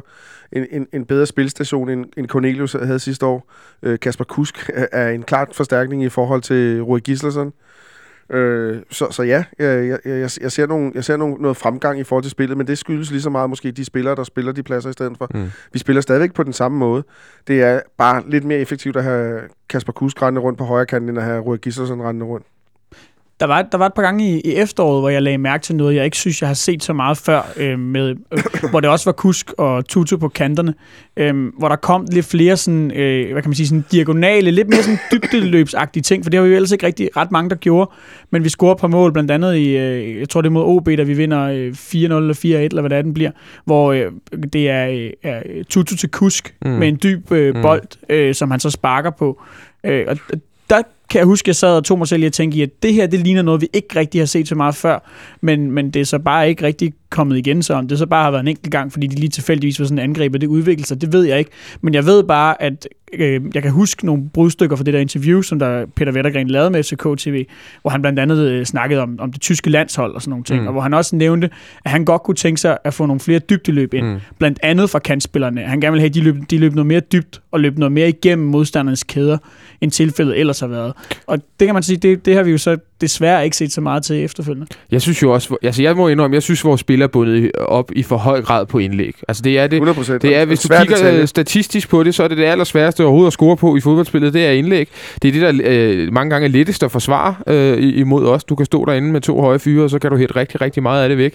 Og, når det så, øh, og du har også en målmand, når det er så kombineret med, med nogle, nogle, nogle baks, der ikke slår de bedste indlæg i øjeblikket, og nogle løb i boksen, som heller ikke sidder der, det virker lidt på må at få nogle gange, når den bliver slået ind. Ja, der er for lidt folk, der løber derind, fordi i, i sådan et ideelt system, så skulle den ene midtmand jo også gerne komme ind i boksen. Mm. For eksempel Delaney. Øh, og, og det er jo sjovt, at når han kommer i boksen, så bliver han jo faktisk ofte farligt. Mm. Men det, jeg godt kunne tænke mig, en, en, vi kan sige, at vores angrebsspil ikke virker rigtig meget. Men så er der en anden ting, man kan få til at virke. Det tror jeg, man kan få til at virke en lille smule nemmere. Det er, at vi bliver meget mere aggressive i vores presspil. Mm. For jeg synes, jeg synes tit, vi, vi, vi, nu har vi set det mod Brøndby der sidder den sgu i skabet. Ikke den første pokalkamp, men i hvert fald kamp 2, og også i momenter ude, ude på Brøndby Stadion. Mm. Jeg synes, vi skal presse meget mere aggressivt. Nu så vi Leverkusen give os en, en, en omgang herinde for et par år siden. Der så du presspil i høj klasse. Vi er et fysisk stærkere hold end alle de andre. Hvis, hvis vi får lavet den første, sige, 60, første 60 minutter til en gang ordentlig pres øh, på det andet hold, så vil de automatisk også miste noget af deres øh, fasong, noget af deres, øh, øh, noget af deres styrke osv. Og så vil de de hold, det vil jo stå og smide lange bolde op hele tiden. Mm. Og med Sanka og, og Erik, så kan du afvise dem. Så et, de to i år kan vi afvise lange bolde, vil jeg næsten sige. Og det er jo også meget det, vores spiller bygger op på, men jeg synes, vores pres, det mangler lige at blive skruet lidt op. Mm. Jamen, det er enig. Jeg synes også, altså det man også kan sige, at en ting er så, at, at man kører dem møre, men der er også noget helt andet. Det er jo, at en gang imellem vil man, vil man fange dem i ubalance. Man vil simpelthen få fat i bolden på, på et sted, hvor, ja, mm. hvor de ikke er organiseret, og så er der virkelig ikke ret langt til målet. Ja. Det er jo også noget af det, der er hele pointen i at have et, et højt presspil. Ikke? Jamen, så det synes jeg er helt enig. Og jeg synes jo, det her er en fin overgang over til, at vi øh, går over til, til jeres lille, lek- øh, lille lektieopgave, fordi det handler vel, øh, det handler vel også om at finde en, en angriber, som, som kan noget af det, vi, vi efterlyser. Det vil måske være svært at finde en, der kan alt det, som vi har siddet og sagt øh, mangler, og som lige skal score 20 mål, og ikke skal være skadet, og det ene eller andet, og som gerne skal koste et eller andet sted under, øh, under 20 millioner. De, øh, de dyre angriber, de er svære at finde, men øh, jeg ved, at I har lagt det i selen for at finde et, et, øh, et par navne. Og jeg ja, tror, du, må næsten, øh, du må næsten lade mig starte, hvis, øh, hvis det er rigtigt, at Olsen han har fire eller fem emner med, fordi ja, øh, jeg har det, altså kun fundet en enkelt. Det er rigtigt. Og, jeg, og vi har alle sammen fundet den samme. Og jeg ved, jeg ved, jeg ved, jeg ved, at I faktisk har fundet den samme. Så jeg synes, Benjamin, at du skal få lov til at starte med at give dit bud på, hvem den nye angriber til sommer i FC København kunne være? Ja, jamen jeg har jo lavet øh, Carsten V. Jensen-finden, tror jeg godt, vi kan kalde den. det prøver jo altså ikke nødvendigvis for noget. Øh, du har også en uh, transfersvitter på. Så. ja. Øh, ja, det er rigtigt. Øh, jeg har været på, øh, på bold.dk og inde på, øh, på Tivoligaens topscore-liste. Mm. Øh, og top 3 derinde udgøres af Mustafa Abdelaue. Det går ikke af åbenlyse årsager. Er det, er det, det, det siger måske 3. lidt. Ja, han lavede også hat i går. Ja. ja, okay. Ja, og det er faktisk, han har lavet tre mål, tror jeg. Så, mm. så det, er nok det. det, er nok det. Så, ja. så er der, er der Mike Jensen. Det, det kommer ikke til at ske. Nej, det gider vi slet ikke snakke om. Men nok, han har lavet fire mål alligevel. Ja, og så øh, nummer et. Øh, han har lavet seks mål, og han hedder øh, Imo Fred Friday. Det er ja. fantastisk navn. Fantastisk navn. En, øhm, ung, en ung fyr fra Nigeria. Ja, han er 20 år gammel. Øh, 1,87 høj. Øh, men han er jo ikke sådan en typisk stor angriber. Øh, han spillede en hel sæson for, for Lillestrøm i, øh, i fjor også, og øh, lavede 11 ligamål. 6 i pokalturneringen og 4 assists. Øhm, øh, og har som sagt en, en, en god statur med de her 187 cm, men er snarere sådan en, en, en hurtig spiller, der øh, for det første er god i, i kontrafasen og kan sætte en mand, øhm, men, men, men som nu er jeg jo inde og YouTube-scoute lidt, mm. øh, men som kan score flere forskellige slags mål. Øh, han har blandt andet lavet et, et, et par langskud, så har han lavet nogle, nogle typiske kontramål, men så scorer han også nogle, nogle mål en gang imellem på sådan nogle øh, løse bolde i feltet. Og det eneste, jeg sådan set ikke har set ham score på, det er, det med hovedet, Okay. hans øh, 187 cm til trods. Til gengæld laver han så to assist i sidste sæson med hovedet netop. Nu, Øhm, nu kan det være, der sidder nogen derude og siger fem mål. Det var godt nok ikke meget på en hel sæson. Men det er jo selvfølgelig, fordi den norske liga lige er startet her i øh, ja, nærmest i april måned. Det han, jo- altså, han har lavet seks mål i, i syv kampe. Ja, seks Øhm. mål. Ja, det, er jo, det, er- det, er jo, det er jo ganske stærkt. Fred Friday, fantastisk navn. Altså, Helt vildt. det, og han er, jeg, har, jeg har også set lidt... Øh, Fred. ja, du, man kan godt høre det, ikke? Jeg har også, øh, jeg har også set hans navn dukke op øh, hister her og på forskellige øh, Twitter-profiler og alt sådan noget. Øh, han er sådan en lille, en lille kraftkal af en anden verden, ham her Fred På Friday. 1,87. På, en, på 21. Ja, men han er tæt, ikke? Og har nogle... Nej, jeg synes faktisk, han er sådan... Jeg synes ikke, han er specielt tæt. Åh, jeg synes, han ligner... Jeg synes, det er re- relativt fysisk stærk. Ja, jo, sindssygt. du sagde... Nej, jeg synes, jeg synes han er sådan en god afrikanerbygning. Okay. Sådan... Ja. Hvad fanden er en god afrikanerbygning? Det er, det er de der 1,87. Det er en døjagtigt. okay. okay. Altså, Men hvad, hvad, har du set lidt mere på, hvad han kan? nej, det, det, har han jo lige sagt. Okay, så der, er- der, du har ikke mere at bidrage med Nej, altså, jeg har jo også kun YouTube de samme ting, som han har det? YouTube. Okay, okay. Men Fred Friday, Fred, jamen, Han kunne bare alene af navnet, der, Ja. der skal han købes. han kunne være et bud. Hvad Han har ser du? spændende ud, vil jeg sige. Ja, det synes jeg også. Hvad har du med? Jeg vil faktisk sige, at Lillestrøm har faktisk øh, 3-4. Ja, 2-3. Ja. Rigtig spændende spiller. Men, Det er øh, øh, ja, men jeg øh, er nødt til at skrive Bentner på. Okay. Altså, fordi vi ved, der er en mulighed for, at det sker. Øh, ham behøver vi ikke at snakke om mere. Efter Tror du, der er en mulighed for Ja, det tror jeg stadigvæk, der er. Men Okay. jeg, er ikke, øh, jeg er ikke nødvendigvis tilhænger af den mulighed. Nej, den har vi haft mange ja, gange herinde. præcis. Øhm, så har jeg gået den anden vej, der hedder talentfuld... Øh, jeg, jeg springer lige dem derovre, som, som er de kedelige. Ikke? Mm-hmm. Talentfuld øh, svensk angriber, Gustav øh, Engvald fra Ja. Göteborg. Ja. Han er også en, en, en, en stor... Øh, ikke ikke kæmpestor, men heller ikke lille. Øh, 19 år, øh, ganske målfarlig. Jeg er bange for, at det måske er en postgang for sent for vores vedkommende, at der allerede er større klubber, der vil have ham. Han har været på besøg i Stoke, ved jeg, tidligere ja. her på året, og, og kigge lidt på det der. Præcis, lige præcis. Og han, men han er ikke den, han, det er jo ikke, fordi han hammer mål ind, men, øh, men dygtig og talentfuld ung spiller, ikke? Så har jeg kigget på, øh, hvad hedder det, øh, Fred Fridays tidligere makker for Lillestrøm, Ja. Morogo Fofana, som, som nu spiller i Lorient Ja. i Ham så Frankrig. jeg også i YouTube-videoen. Ja, øh, 1,78 høj, øh, en lille afrikaner. Okay. kugle, tæt bygget, øh, driblestærk, hurtig, sparker med, primært med højre, og, og han har lavet den der ting, der hedder, han har ikke helt slået igennem nu nede i Lorient, så det kan jo godt være, at øh, hvis man har haft kig på ham tidligere, i, i, i, der er jo de der historier med Igalo og, og, og alle de der Mm. mm. spillere, der, de sorte spillere, der spillede i Lillestrøm før, Mm. hvad hedder han, UJ og sådan nogle Mm. ting der, som faktisk gør det ganske, godt- ganske godt, når de kommer videre. Ham har jeg også kigget på, en interessant spiller, og så sad jeg og kiggede på spillere, jeg havde øh, tænkt lidt over, og så, øh, så, fandt, så, så tænker jeg, et eller andet sted, hvor vi kender nogen, som arbejder eller har arbejdet. Og så skulle jeg ikke længere end til PAOK Saloniki Okay. og finde Brøndby-dræberen Robert Mack. Ja, ham vil jeg fandme gerne have, for han var fandme god mod. Brøndby. Øh, han kan... Øh, Spiller han ikke fast nede for Pauk? Nej, han er ikke helt fast, fordi han har været lidt ude og inde af holdet, var jeg lige inde og kigge på. Okay. Og de er jo ikke, de er jo ikke, det er jo sådan en klub, der har øh, rigtig mange spillere og stor udskiftning og sådan nogle ting der. Jeg tror måske lige, han er over vores lønniveau og sådan nogle ting der. Men, øh, men de ting, jeg så i de der Brøndby-kampe, der... Meget spændende. Ja, fordi han virkede nemlig til at være sådan en spiller, der kunne indgå i kombinationerne. Han var hurtig, han var målfarlig, øh, han kunne arbejde i små rum, han kunne, han kunne dit, han kunne dat og sådan nogle ting der. Så, så, så, så i, i den boldgade, Men Olsen, hvad med vores Sydamerika? Vi ved jo, at øh, Lars Højer har været afsted på ture til Sydamerika, og, øh, og det, det, du er vild med, med hele det her sydamerikanske marked, ved jeg også. øh, jeg, jeg, Tror det er for meget med to sydamerikanere? Ja, det tror jeg. Det tror jeg. Men, øh, og jeg har også tænkt Hvorfor? over... Ja, men jeg tror, man har, man har, man har problemer nok med, med Santander. Altså, når alt kommer til alt, så har han jo ikke slået igennem som sådan en øh, kongespiller. Hvad, hvad har han lavet? Seks mål i Superligaen. Mm. Er vi tilfredse med det? Jeg kunne godt Ah, lige have haft en 3-4 mere, ikke? og lidt flere assist og sådan nogle ting. Der. Vi Mm. kan godt se, at det er en dygtig spiller, det her, men, men med tiden, vi kan godt forvente lidt mere. Men hvis du skulle være fra Colombia, så, så, så tænker jeg, Colum, eller fra Sydamerika, så tænker jeg, at man skulle kigge mod Colombia. Det, det land, det sprøjter angriber ud, som, øh, som øh, Argentina sprøjter øh, aggressiv, defensiv midtbanespiller ud. At lige når du siger Colombia, så bliver jeg nødt til lige... For jeg ved, at øh, vores, øh, vores gode ven af programmet, Christian Hertz, vil sidde derhjemme og, og hoppe og danse, fordi han har det sidste stykke tid på sin. Han er også gået i gang med at finde ud af, hvilken angriber ja. vi skal have. Og han, øh, han, har en, Men jeg har ikke nogen navn. han har en obskur øh, ting for øh, finsk fodbold. Og oppe i Finland i øjeblikket, der render en ung øh, kolumbianer Ja, rundt ham for HJK godt. Ah, Helsinki. Men ham har de kun lånt. Ja, det er rigtigt. Alfredo ja. Morelos, tror jeg, Præcis. Morales. Og han scorer, øh, han, jeg tror, det er Morelos, han scorer, han scorer mange mål. Men det, men, hvis, hvis, i det hele taget, hvis vi lige må snakke finsk fodbold, hvis du kigger på det hold, det er et underligt rand af spillere, Mm. det hold har haft igennem de sidste mange år. Ham der Taivu for, For AC Milan. Milan der, Ja. og andre mærkelige spillere. Men er vi ikke, altså, vi, hvis, hvis vi hentede en spiller fra finsk fodbold, så ville vi jo øh, falde bagover af, af, af, undervældethed, hvis man kan sige det på den måde. Det er, jo, ikke- det, er jo ikke, det er jo ikke den hylde, vi normalt kigger på. Nej, nej, helt sikkert. Det er også derfor, de spillere, jeg peger på, de spiller i, i fransk fodbold, i græsk fodbold og sådan nogle ting, og det tænker jeg, Mm du er udmærket. Der er selvfølgelig også vores gode ven, som vi har nævnt før, Musa Konate i, i, i schweizisk fodbold, men han er sikkert for dyr. Det tror jeg også. Men Benjamin, nu har vi i hvert fald givet et par bud på, hvem det, hvem det kunne være, og måske også lidt, hvilke typer det skal være. Men, men jeg sidder og tænker på, der hvor vi virker det som om kigger rigtig, rigtig meget, det er på markedet, hvor vi kan gøre skillene i, i toppen. Altså hvor vi måske er gået lidt væk fra det her med at, at, at kigge i Belgien og i Portugal osv. Vi hentede øh, en døgn nede i, i Grækenland dengang, men det virkede også meget som et, et udslag af lidt tilfældigheder, og så nogle øh, agenter, man havde et godt forhold til. Ja, vi havde mødt ham før, ikke? Og vi havde mødt ham før. Altså, mm. Mit indtryk er måske, nu kigger man lidt mere i de ligaer, hvor man ved, man kan hente for de bedste hold. Det kan være i, i Slovenien, det kan være i Slovakiet, det kan måske være i Tjekkiet, selvom der er også kommet flere penge. Øh, Jeg synes ikke, jeg synes ikke, altså selvfølgelig i Skandinavien, den skal I have, men jeg synes ikke, I, I, I fandt nogen spillere fra, fra de ligaer. Nej, altså, jeg, må, jeg, må, jeg må indrømme, at... Øh, Du, du fik opgaven i går kl. 8 eller et eller andet, ikke? ja, det er rigtigt. Øh, og var lettere panisk. Øh, men mit, øh, mit kendskab til de, øh, til de ligaer er, er stærkt begrænset. Ja.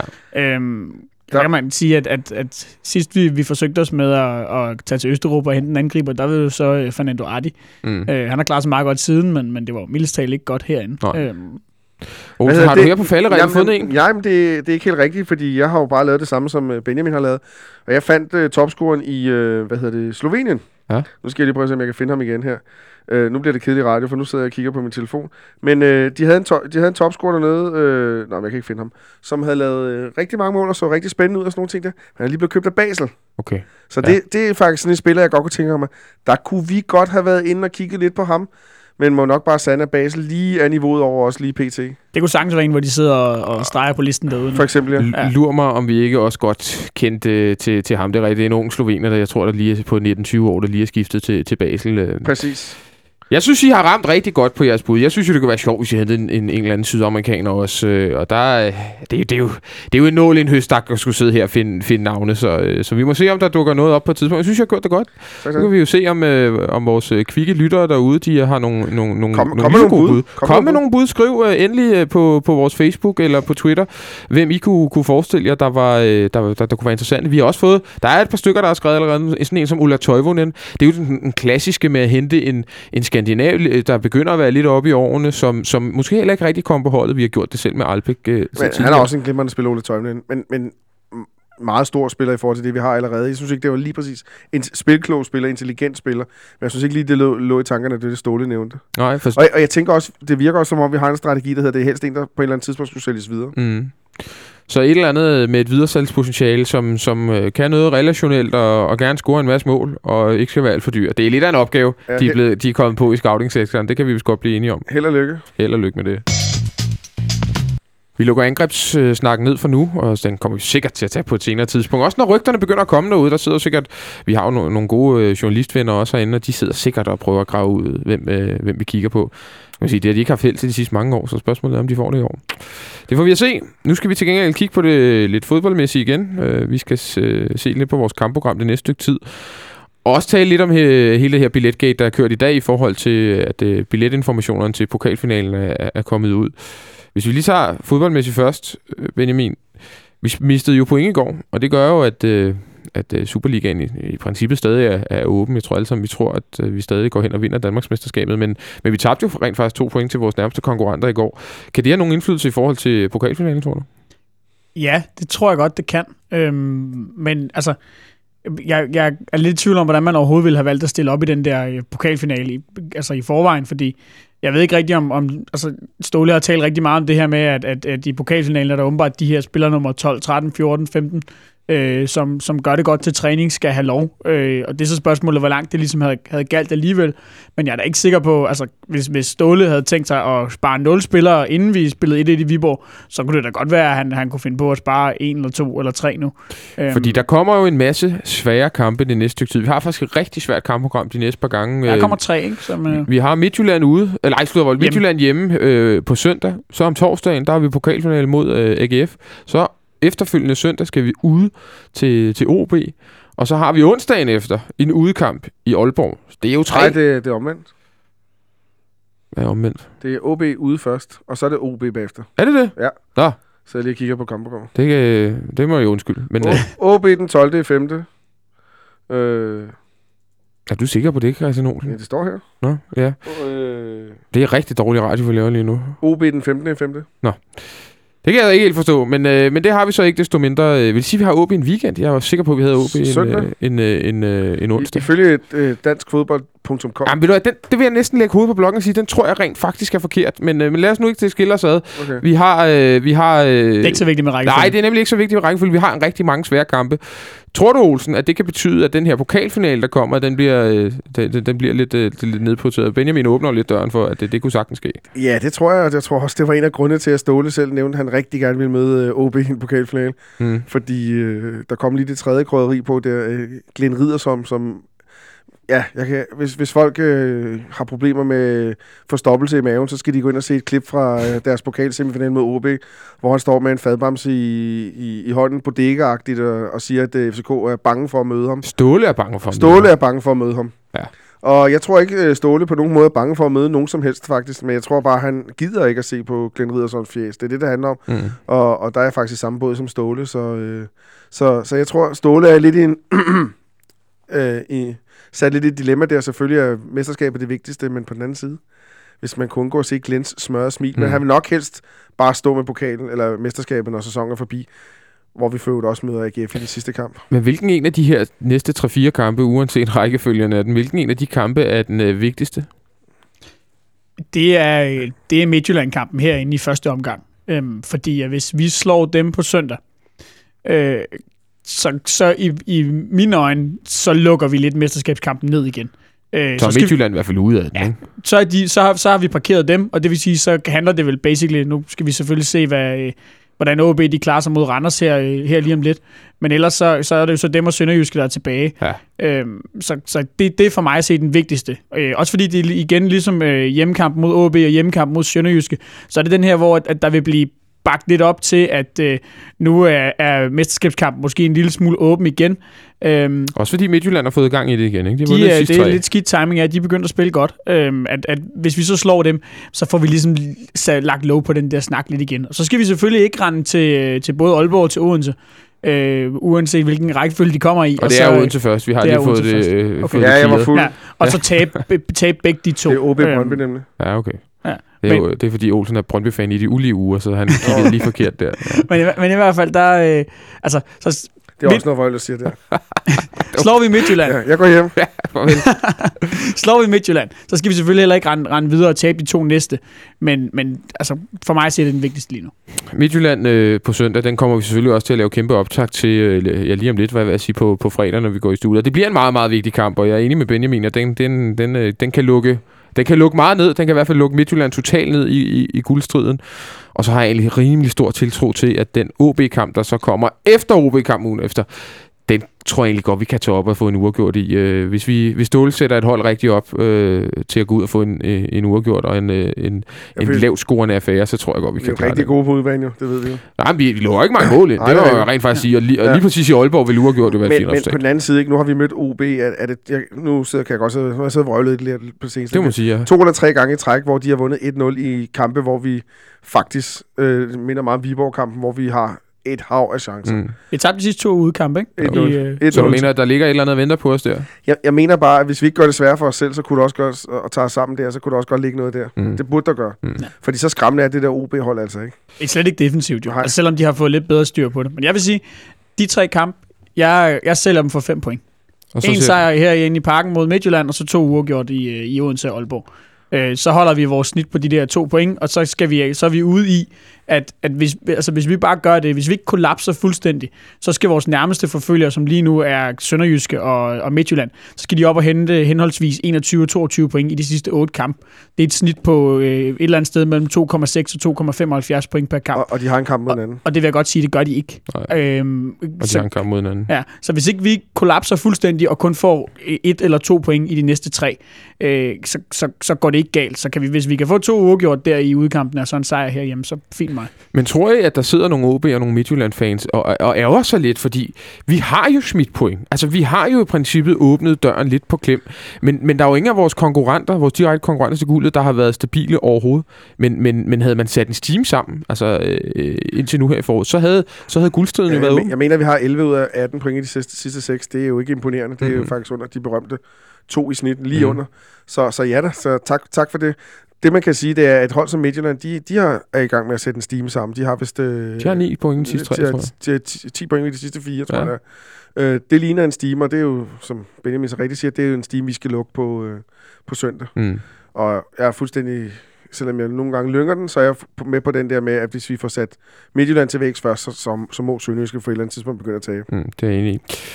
Nå, det, det, det, den, den sidste ting, vi skal tale om i dag, det er øh, billetnyt i forhold til pokalfinalen. Øh, det har... Øh, det har, det, det har givet lidt dønninger, kan man sige, fankredsen i dag. Det kom frem, at AGF får øh, 18.000 billetter til, til pokalfinalen herinde næste torsdag. Er det bekræftet?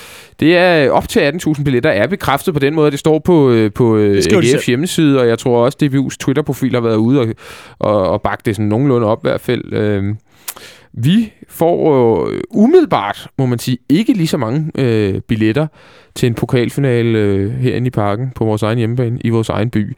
Og det kan, det kan jo godt virke en, en lille smule øh, underligt, øh, Benjamin. Er du lidt forundret over den her udmelding? Ja, altså jeg, jeg er lidt overrasket over, at man ikke laver en løsning, hvor at man sørger for, at de to hold får lige mange billetter.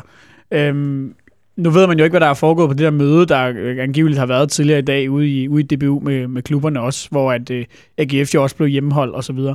Øhm, men, men, men noget af det kan jo bunde i det her med, at vi i de seneste par pokalfinaler, vi har været i, hvis det ikke har haft så godt øh, skub i billetsalget, mm. som, øh, som man kunne have forventet, og hvis AGF så har stillet sig op med det i hånden, det argument i hånden, og så samtidig har deres første pokalfinale i, i, i Og 20 sagt, at år, de kan komme 20.000 ja, næsten, og, og kan se, at, hvad hedder det, at, øh, at, at folk allerede ligger i kø ude på Storbæltsbroen eller sådan Mhm. noget, ikke? og, og valgfarter herover. Jamen, altså, så kan det jo godt være, at det har haft noget at sige.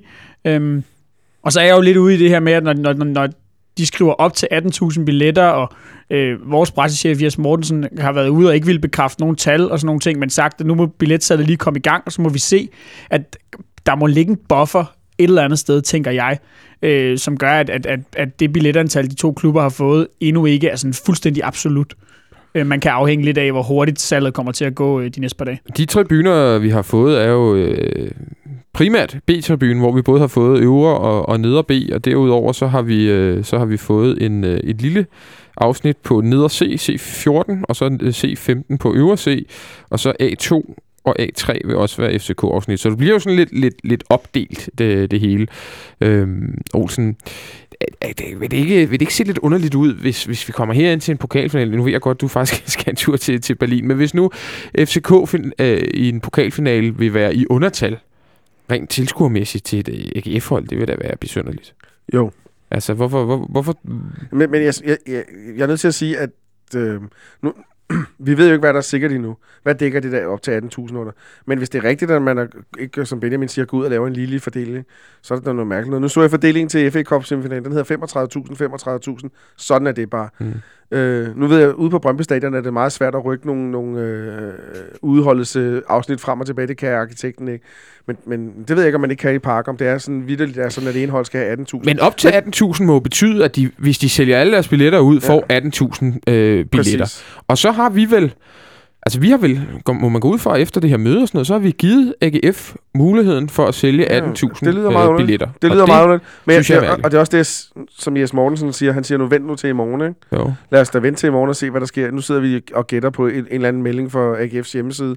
Jeg har faktisk ikke engang selv været inde og læse den, så jeg ved ikke, hvad den går ud på. Så Jeg skal selvfølgelig sige, at vi havde også inviteret øh, Jes ind i studiet igen, ligesom han var her en gang sidste uge, men han har, øh, han har en, en, en aften med familien, og efter at skulle debattere med diverse Brøndby-fans de sidste tre uger på sociale medier, nærmest ja. uafbrudt, så skal det være ham vel ondt at tage øh, en aften øh, derhjemme i så lad os, lad os skød. se, hvad der sker i morgen. Men er vi i en situation i morgen, hvor, hvor de har fået 18.000, og vi har fået 11.000, så synes jeg, det er mærkeligt. Det, øh, det er jeg enig, Underligt. Det er jeg enig med dig i. Det, men, men jeg kan sige, noget der kunne være en, en løsning på alt det her set med FCK-øjne, det er, at øh, vi sælger de her øh, den øh, allokation af billetter, vi nu har fået ud rigtig, rigtig hurtigt. Fordi så ved man jo aldrig, hvad der kan ske. Det kan godt være, at AGF har en idé om, at de kan sælge 18-20.000 billetter, men de skal jo trods alt først øh, gøre det øh, til, en, til en torsdagskamp i øvrigt, hvor, at Hvor der jo toget ikke umiddelbart er fri øh, øh, om, om fredagen. Øh, Og toget kører ikke. og toget kører ikke, fordi der er enten er Sporarbejde. sporarbejde eller andet. Det er derfor, at stifttiden laver busser. Okay, altså de skal, de skal jo først sælge de her ud, kan man sige. Mm. Men, men, men FC Københavns fans måde at reagere på, det kunne være at, øh, ja, at skynde sig at købe billetter til, til de her 12.000 øh,